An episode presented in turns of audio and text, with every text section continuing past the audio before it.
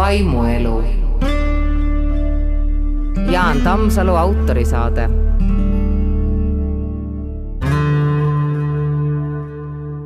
tere, head kuulajad, algab Vaimuelu saade, stuudios Jaan Tammsalu, mina olen Bianca Mikovits, seekord Jaan siis ise sinu vestluspartner. suurepärane, see mulle seekord meeldib aga eh, seekord meil on selline teema, me räägime palvest, palvetamisest. Kas on ka üks viis olemas, kuidas õigesti palvetada? just see, mida sa teed, ongi õigesti palvetamine.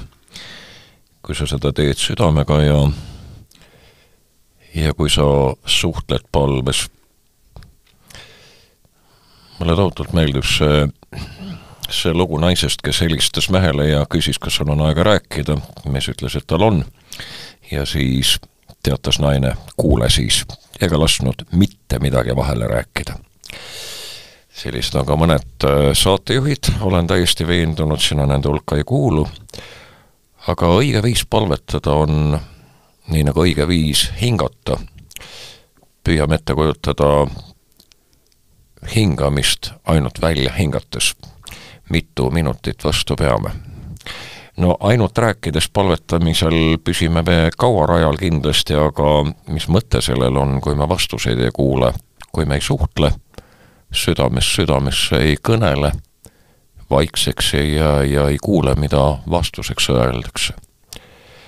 õige viis palvetada on, on see, kui me kõneleme südamest südamesse Jumalaga islamimaades reisides ma olen puutunud kokku äh, sellega, et kuna äh, sealses usus on reegel, et palvetada äh, ja õiged palved on araabia keeles, palvetada tuleb araabia keeles, siis ma olen kohanud näiteks Türgis inimesi, kes muretsevad siiralt, et nende palveid ei kuulda, kuna nende hääldus on vilets, araabiakeelne hääldus. kui palju sa oled kogenud seda, et inimesed tunnevad muret selle üle, et nad ei kasuta õigeid sõnu, õigeid vormeleid ja et sellepärast noh, see kahekõne ei jõua sinna, kus ta peaks jõudma või kahekõne nendepoolne osa? Ma arvan, et, et ma olen seda kohanud päris palju, inimesed on väljendanud ennast minu kuuldes umbes nii, et ah, et see ongi nii lihtne, kuule siis ma ju või aga siis ma olen ju kogu aeg palvetanud. et see ei ole mitte nii, et tullakse minu juurde palvetundi et ma õpetaksin neid palvetama, nagu Jeesus oma jüngreid palvetama õpetas, kui nemad siis palusid, et, et ta seda teeks. vaid lihtsalt, kui me oleme hakanud palvest rääkima, kui ma olen küsinud, et kas sa ka palvetad, siis öeldakse, et ei palveta, aga aga siis jõutakse selleni, mille kohta mina saan julgelt öelda, kuule, sa palvetad kogu aeg. et ähm, jah, seda on tihtipeale ette tulnud kui me siit edasi vaatame, siis on, saab äh, kahte sorti vaadata palveid, eks ole, needsamad äh, asjad, mille kohta sa ütled, et inimene palvetabki kogu aeg oma mõttega, võib-olla suhtumisega, olemusega, mitte ainult sõnadega või vahel kasutades ka sõnu. Äh, ja teine variant on see, kui kasutatakse selliseid palveid, mis on varem kellegi poolt öeldud, need on olemas. mis vahe neil on? no nendel ongi see vahe, et tihtipeale need kirja pandud palved on sellised viimistletud palved, need on nagu, need on nagu laulud, mis on jäänud sajanditeks. olen ühes siinses saates öelnud, et, et vaevalt, et paljud tänasel päeval väga populaarsed laulud kolmekümne või kahekümne või kümne aasta pärastki lauldavad on ja meie lapselapsed kehitavad õlgu võib-olla, kui nad kuulevad, milliseid laule me kuulnud oleme omal ajal see toimub ju juba praegugi, aga need kirja pandud palved, lau-, palveraamatutes olevad palved, need on tihtipeale väga viimistletud, aeg-ajalt ka väga poeetilised, aeg-ajalt ka lõpmata sügavad, nii et äh, nende palvete lugemisel võib olla oht see, et inimene selliseid palveid lugedes mõistabki äkki, et ta ei oska palvetada, no nii ilusasti ei oska, mul oli ju kirjanduse hinded ja, ja eesti keele hinded olid alati seal kolme ja kahe piiril, no kuda ma hakkan siis, kas see armas Jumal äkki paneb mulle kahe, eks ole, nagu kirjandusõpetaja, nagu Jumal oleks siis mingi kirjandusõpetaja või ütleme nii, et äh, minu jaoks kirja pandud palved võivad olla ka südamest tulnud palved, aga mu arvates on nad nagu hüppelaud, mille pealt me võiksime edasi hüpata. Need on palved, mida me võiksime kasutada oma palvetamiste alguses, ehk siis alustada meie isa palvega või ka siis lõpetada meie isa palvega, aga võiks ikka neid oma palveid ka kasutada, võiks ikka lihtsalt südamest südamesse ka rääkida. mulle, mulle nii meeldib üks äh, lugu ühest väikesest poisist, kes luges Jumalale ette oma rõõmud ja mured ja, ja lõpuks, lõpuks kõhatas ja, ja ütles, et aga vabandage palun, kas võiks küsida, kuidas teil endal läheb? küsis Jumalalt. Ja mulle sellised äh, asjad ääretult palju meeldivad, nendes on nii palju siirust ja, ja, ja rõõmu ja ilu, et äh, mõlemat on vaja, nii neid kirjutatud palveid neid aastasadades nii-öelda settinud palveid, jäänud palveid, kui ka neid oma palveid, mida me teeme südamest, ja kui keegi nüüd ütleb, et need kirjutatud palved on ju nõnda, et noh, nagu luuletused, et õpid pähe ja muudkui voristad, siis äh, kas me oleme äkki tähele pannud, et kuskil vabakogudustes, kui mõni inimene muudkui palvetab, tundub, et väga südamest, aga kui sa teda juba kakskümmend korda oled palvetamas kuulnud, siis sa saad aru, kuidas see asi kõik kordub, et nagu üks ja sama plaat oleks, ainult natuke sõnad muutuvad ja tempo muutub ja hääl läheb järjest val-, valjemaks ja siis tulevad veel mingid võõrkeelsed sõnad vahele, et äh, igas hetkes peitub head ja halba ja, ja iga palve puhul võib olla see, et et nii see vaba palve võib olla küsimärgiga, mõnel hetkel on mõistlikum palvetada mõnda nii-öelda juba olemasolevat palvet ja mõnel teisel hetkel on ääretult vajalik jälle see, et me teeksime oma palveid. aga mul on üks, üks lõpmata ilus lugu, nii see mulle tundub see on lugu ühest äh, juudi talumehest, kelle vanker läks teel koju katki metsa vahel ja pime tuli peale, ta ei saanud enam seda vankriratast parandada, aga tal oli tohutu suur mure, mitte sellepärast, et ta seal öösel peab nüüd metsas olema, sellega sai see lihtne mees hakkama, aga ta oli igal õhtul harjunud kindlal ajal palvetama, see juudi mees, ja nüüd see palveraamat oli kodus ja ta oli lugenud just nimelt sealt neid vanu palveid maha. mingit kindlat palvet ja, ja ta oli tohutu õnnetu, et mis nüüd sellest õhtust saab, et kuidas ma lihtsalt siin jään vankris magama, ilma et ma oleks Jumalale tänu ja, ja palveid öelnud, aga siis tal tuli päästev idee, ta ütles, et, et Jumal, sa saad aru, et ma olen vana rumal mees ja palveraamat on kodus, aga ma loen sulle nüüd tähestikku kolm korda ette ja pane sina nendest tähtedest üks ilus palve kokku. nii et Geniaalne. alati on lahendus, alati on lahendus olemas, ega Jumal rumal ei ole. Jumal ei ole rumal, et ta ei oskaks tähtedest, mida sina talle ette loed siiralt, südamest, muretsedes, ühte ilusat palvet kokku panna. vajalikku, olulist vaimuelu. sina ise oled tõlkinud ka keldi palveid, need on olnud väga populaarsed, neid on äh, ostetud ja ostetud nii, et äh, raamatudki on müügilt otsa saanud. mis sind õieti nende juurde juhtis, mis sul selle asjaga õieti on? sul paistab ka see kõik väga meeldivat endale ma olen täiesti veendunud, et midagi, mis mul, mis meile ei meeldi, sellega ei ole mõtet tegeleda isegi, isegi töö osas, mitte et, et, et sa pead ikka põlema sisemiselt ja sa pead tahtma tööle minna ja nii edasi. aga mis juhtus, oli see, et, et mulle tuli ettepanek minna Šotimaale tööle või õigemini praktikale, koguduse praktikale, kuigi ma olin juba mitme koguduse vaimulik olnud ja olin just prostiks saanud Viljandimaal ja äkitselt tuli ettepanek ja ma vastasin umbes kolmekümne sekundilise mõtlemise järel, et ma lähen kolmeks kuuks.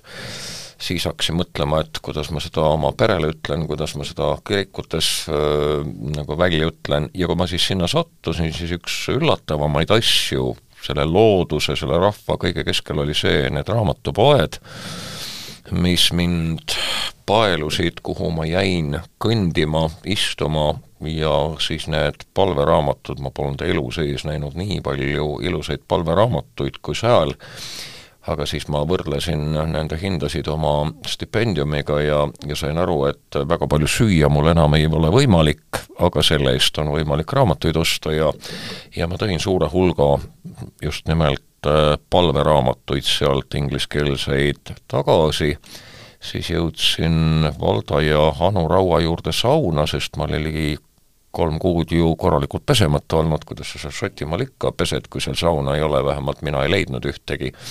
Ja ma olin harjunud nende inimeste juures Käärikutalus saunas käima ja ma poetasin siis elutoa laua peale kolm Geldi palveraamatut, ütlesin, et ma lähen nüüd vihtlema, aga aga äkki Valda ja Anu, äkki te vaataksite? no nad vaatasid, nad jätsid need raamatud sinna ja siis ma tegin järgmise rumala ettepaneku, et et kui, kui äkki läheb tõlkimiseks, siis laseme raamatu välja. ja kui ma järgmine kord sauna läksin, oli juba hulk palveid tõlgitud ja Valdo oli lõpmata suures vaimustuses nendest. sest ma olin ise mõned palved seal Šotimaal tõlkinud ja lõpuks aru saanud, kui konarlik on minu inglise keele taju ja, ja Iiri õnnistussoovi hoidku Jumal sind oma peopesa kumeruses ja mõned veel ja ma nägin, et neid on mõtet tõlkida ja, ja kellel siis teisele veel, kui Valdo Raual, kes on Shakespeare'i, Hemingway'd, äh, Salinseri tõlkinud.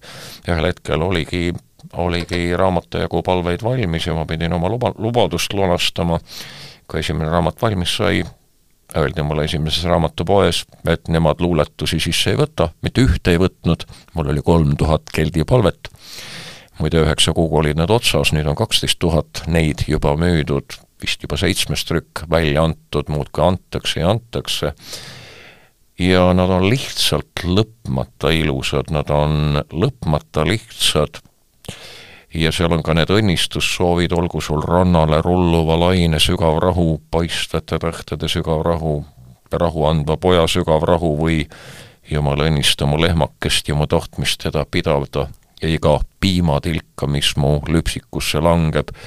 seal on loodust, lilli ja liblikaid, seal on igapäevast ränka tööd, seal on kõike kajastatud ja kõik see palvesse pandud, mis ka tänapäeva inimest puudutada võiks.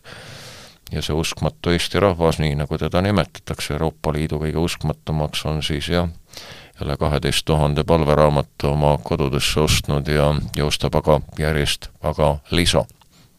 lihtsalt nii on.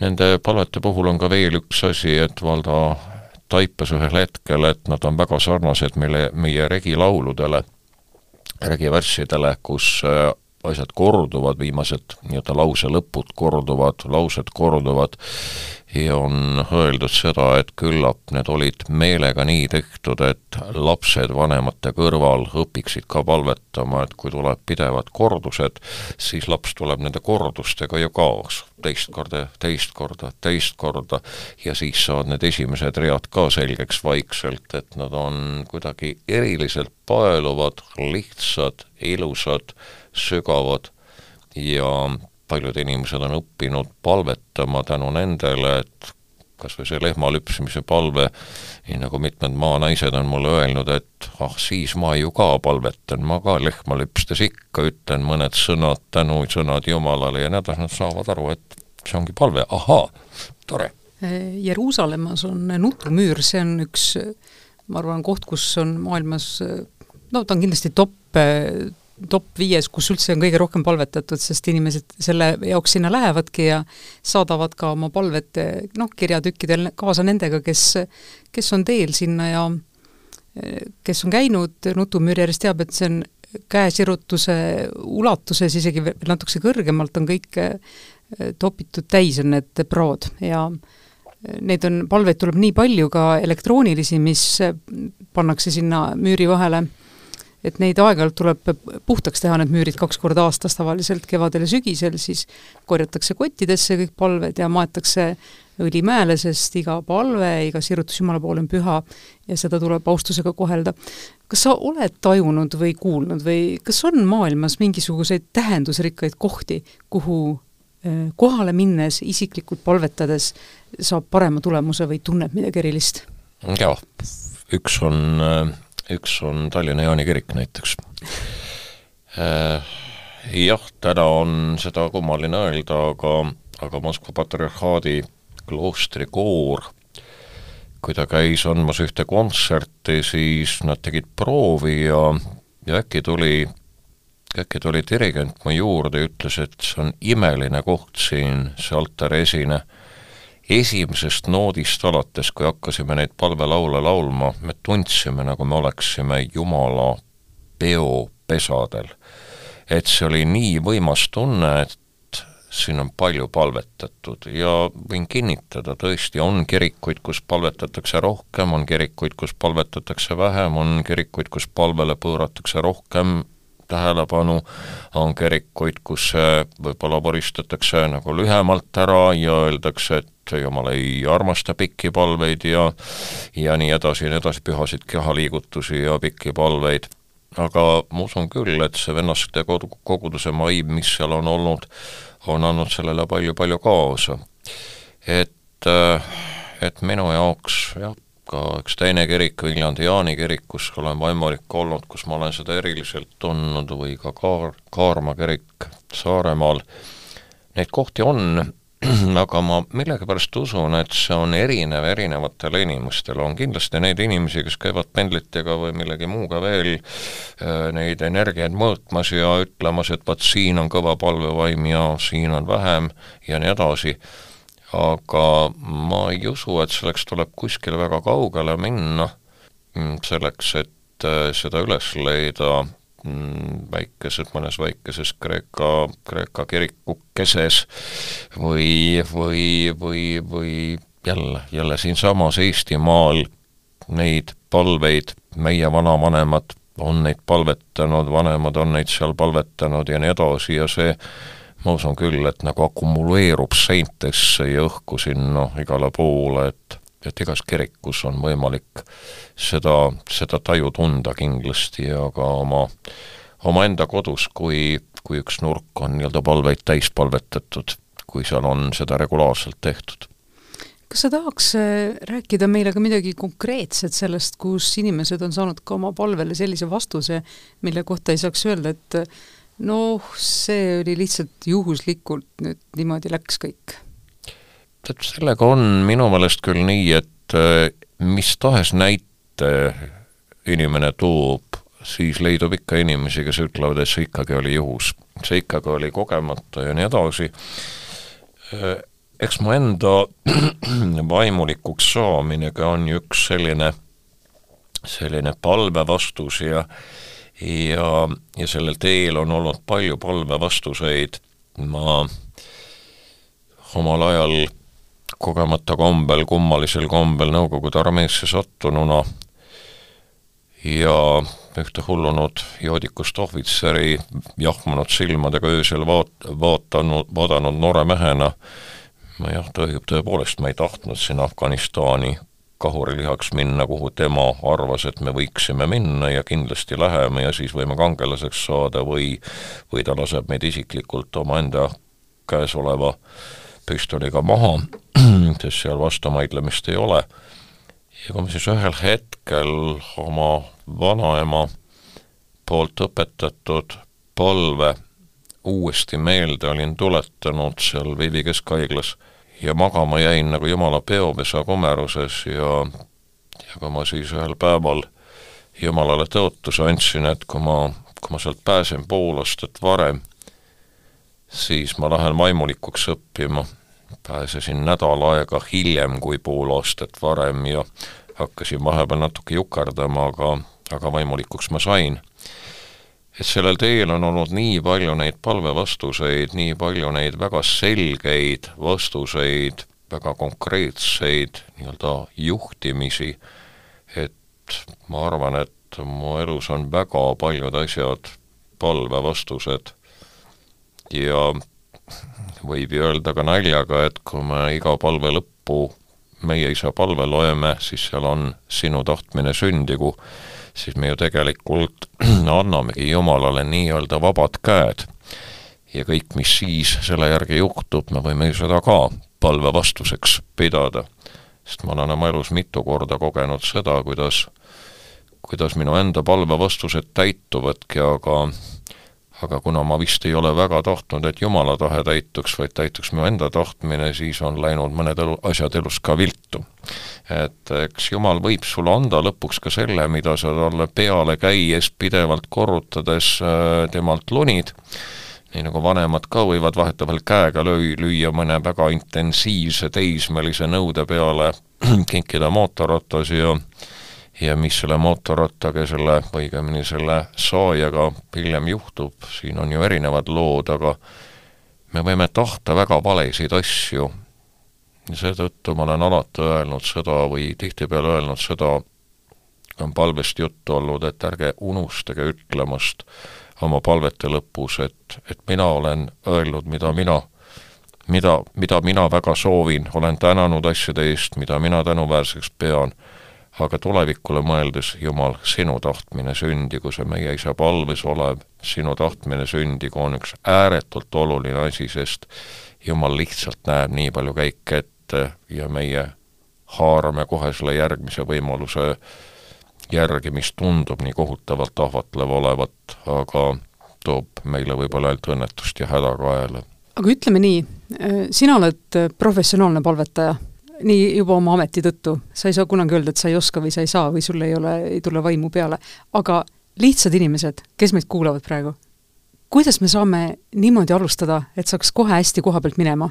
vaata, sellega on niisugune lihtne lugu, et, et omal ajal mind väga jahmatas see, kui ma alustasin Saaremaal, alustasin leeritundidega ja ma esitasin üks kümmekond küsimust tulijatele ja nende hulgas oli, kas oled piiblit lugenud, kui palju oled kirikus käinud, kui sageli ja nii edasi, ja üks küsimus oli, et, et kas sa oled ka palvetanud ja millal ja mille pärast. ja kui paljudele küsimustele vastati eitavalt, ei olnudki õieti piiblit lahti võetud või oli lahti võetud ja magama jäädud kolmandal leheküljel või siis oli kirikus käidud paar korda jõulude ajal ja nii edasi, aga palve kohta tuli üheksakümmend viis protsenti vastustest jah, olen palvetanud. aga tihtipeale hädades hädades, muredes, eksam tulemas, laps on haigeks jäänud, on probleemid. osad probleemid on enda tekitatud, aga jumal, tule nüüd ja aita, eks ole, osad probleemid on tekkinud, mehed Peipsi peal, eks ole, ja, ja lubadused Jumalale. aga see kuidagi tundub olevat väga omane inimestele aeg-ajalt kõnelda Jumalaga, aeg-ajalt ütelda kas või nii, kui sa seal olemas oled, siis, eks ole, aga aga vaikselt ja omaette, mitte teiste ees, mitte teistele nii-öelda naeruks, ikkagi kõneldakse Jumalaga. eriti siis, kui keegi lähedastest on väga täbaras olukorras ja nii edasi. ja tullakse ka kirikust eespalveid paluma, nendel hetkedel väga paljud tulevad. aga kuidas, kuidas minna teele nõnda, et, et hädasse ei, et tunned, et, et asjal on minekut, no siin ma tõepoolest soovitan neid keldipalveid, meie isa palvet, soovitan professionaalide palveid. ütleme nii, et paljud professionaalid on olnud tegelikult ääretult lihtsad inimesed, kellel on kooliharidust olnud kordades vähem, kui meil on ja nii edasi, nii et me ei pea nagu muretsema. aga me saame sealt mingi sniti kätte, kuidas võiks, milliseid asju on mõistlik palvesse võtta, mille pärast ei pea häbenema, et ma nüüd räägin taevas isaga sellistest lihtsatest asjadest. ja, ja, ja kui, kui see, kui need, nende raamatute lugemine või meie isa palve korduv lugemine, kui need asjad on tehtud, mõnigi palve on loetud, siis äkki sealt pealt edasi minna minnagi Jumala ette, vahetevahel oled nii kinni, kui kinni ei tule üldse oma sõnu. aga loe meie isa palve, loe mõni keldi palve, loe mõni muu palve, loe mõni õigeusu või katoliku kiriku palve, neid on nii paljud, paljud olemas, guugelda leiad, ja, ja ühel hetkel sa taipad, et sealt edasi tuleb juba ise. kuidagi uks on avatud nende vanade palvetega, nii et alusta sellest, võta teised appi, nad talutavad sind edasi. ja mine siis, ei ole lihtsalt siiras, aga kuule ka, jää vaikseks ka lehitse hiljem piiblit ka ja, ja püüa ära taibata neid vastuseid, mis sulle öeldakse. muidu oled ka nagu see naine, kes küsis mehelt, et et kas sa rääkida saad ja siis muudkui lobises ja lasknud sõnagi vahele öelda, lase ikka Jumalal ka mõni asi öelda vahele.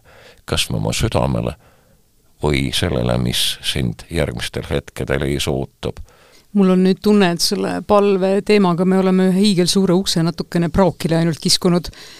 Siin on ju veel rääkida küll, eks ole, milline on õige asend palvetada, millal teha ristimärk, kas seda üldse teha, mida paluda hommikul, mida õhtul, mida söögi ajal, mida peale sööki. kuidas seda teha nii, et sa ei ärrita teisi ja, ja ei jää naeruväärseks ja aga sellest me veel kõigest räägime, eks ole, sinuga?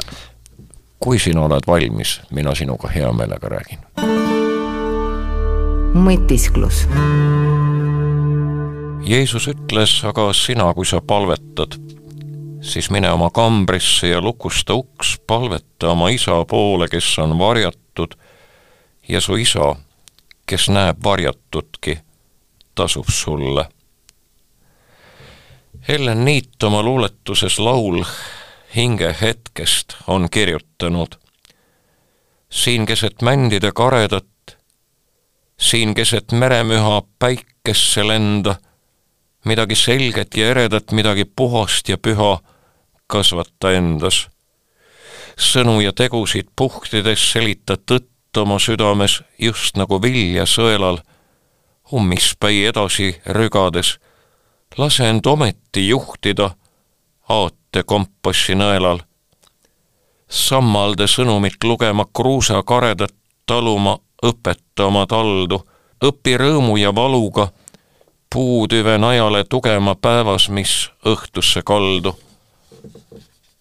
sügispimedas lambiks ja õõtu ööpäeva heletus, suvehelesed hetked, valguse seeme tallel pea, see on pilkase peletus südame pimesi retkel.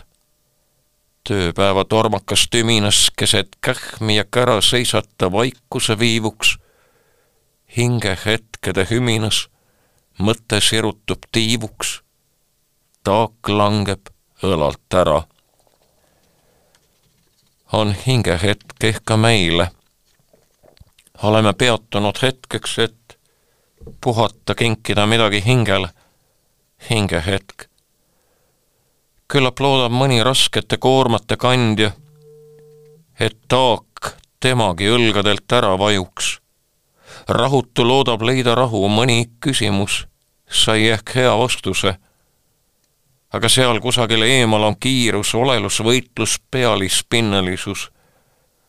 haiget saab seal teha ja saada nii kergelt. vahel tundub, et seal suudavad ellu jääda vaid need, kes oskavad teha kor korraga mitut asja autot juhtides sirvida oma telefoni, värvida küüsi silmi telefoniga rääkides toksida arvutiklahve, ikka tormakas, tüminas, käras, korraga mitut asja. Millal oleks ummispäi edasi rühkides veel aega taevasse vaadata, lasta end juhtida ootekompassi nõelal, kasvatada endas midagi puhast ja eredat, toredat. ummispäi edasi rühkides jõuad tormakas, tüminas, kähmis ja käras varem või hiljem pilkesesse, tupikteele. peaks tõepoolest seisatama vaikuse viivuks ja tundma, kuidas hinge hetke üminas mõte sirutub tiivuks ja taak langeb õlalt ära. kas on need vaid luuletaja kaunid sõnad, muinasjutt, täitumatu unistus? ei, seda sünnib seda sünnib ju pidevalt, eriti paljudes pühakodades. mõni leiab just pühakodades selle sealt kiiresti, teine tuleb ikka ja jälle istub päevast päeva pingis, vahel ihuüksi ja siis ta tuleb silmadesse ära ja ütleb, et on tänulik, et tal oli siin võimalik olla. tema arvas enne, et on ihuüksi, kuid taipas siis, et keegi on veel, kes hoolib ka temast, hoolib lõpmata palju ja tema õppis temaga kõnelema. palvekoda palvekamber, vaikuse viivude võimalus, aate kompassi nõela õigeks sättimise paik. mäletate, mis kõneleb Uus Testament sellest, kuidas, kuidas jüngrid paluvad Jeesust, et ta õpetaks neid palvetama.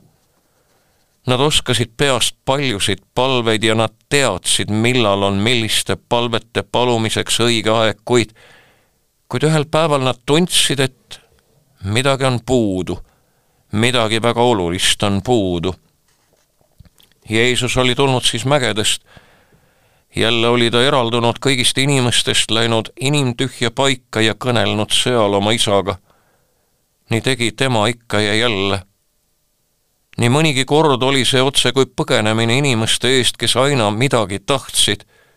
sageli olid need valed ootused, mõnikord soov teha temast kuningas, kes jagaks neile lakkamata leiba ja kala, räägiks põnevaid lugusid ja taas tuleb ta mägedest, taas on ta otsinud vaikust ja palvetanud ja tema õpilased tulevad talle nüüd vastu ja paluvad, et tema neidki palvetama õpetaks.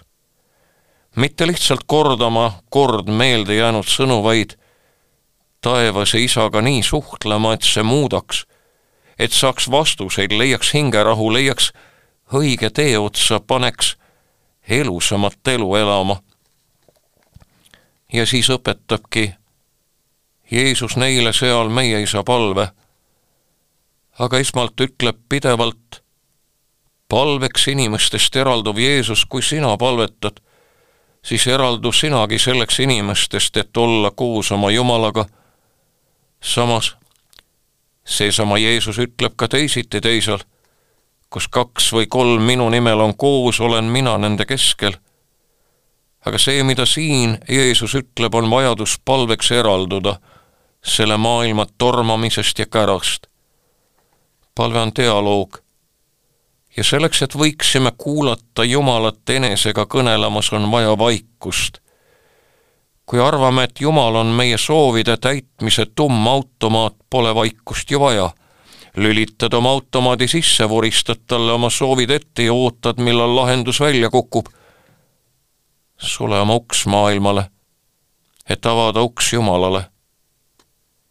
miks sageli palvetades me sulgeme oma silmad? üks laps vastas, selleks, et Jumalat paremini näha. kus me näeme kõige paremini tähti? kas tuledes säravas linnas või seal, kuhu linna tuledes ära ei ulatu? jah, kuigi ka linnakäras töösaginas on võimalik palvetada tuletab Jeesus meile meelde, et me vajame Jumalaga kõnelemiseks vaikuse hetki, aja mahavõtmise hetki, hetki suletud ukse taga, vaid temaga koos. liiga sageli on häältega palutud palved mõeldud enam inimeste kõrvadele kui Jumalale. aga Luter olevat kord väitnud, et niisama enesestmõistetav kui see, et rätsep õmbleb rõivaid ja kingsepp teeb ja parandab jalanõusid, on see, et kristlane teeb palveid. ja isegi siis, kui meile tundub, et taevas vaikib, on Jumal meiega ja meie peaksime kõnelema Jumalaga. kas me mäletame, et Jeesus tegi just nii ristil, mu Jumal, mu Jumal, miks oled sa mind maha jätnud? peapiiskop, usuteadlane, ajaloolane, haridustegelane Johann Kõpp kirjutab oma väikese palveraamatu saatesõnas palves ei ole tähtis mitte sõnade hulk, vaid see, kas ja kui palju palvetaja kogu oma südamega on selle juures, mida ta oma sõnadega avaldab. miks peaks Jumal meie palve juures olema, kui me ise selle juures ei ole? palve peab olema südame otsene kõne Jumalaga, kõnelemine, mitte vaid kõne. kõnelemine, milles on ka kuulamine, ilusat kõnelemist ja kuulamist vaimuelu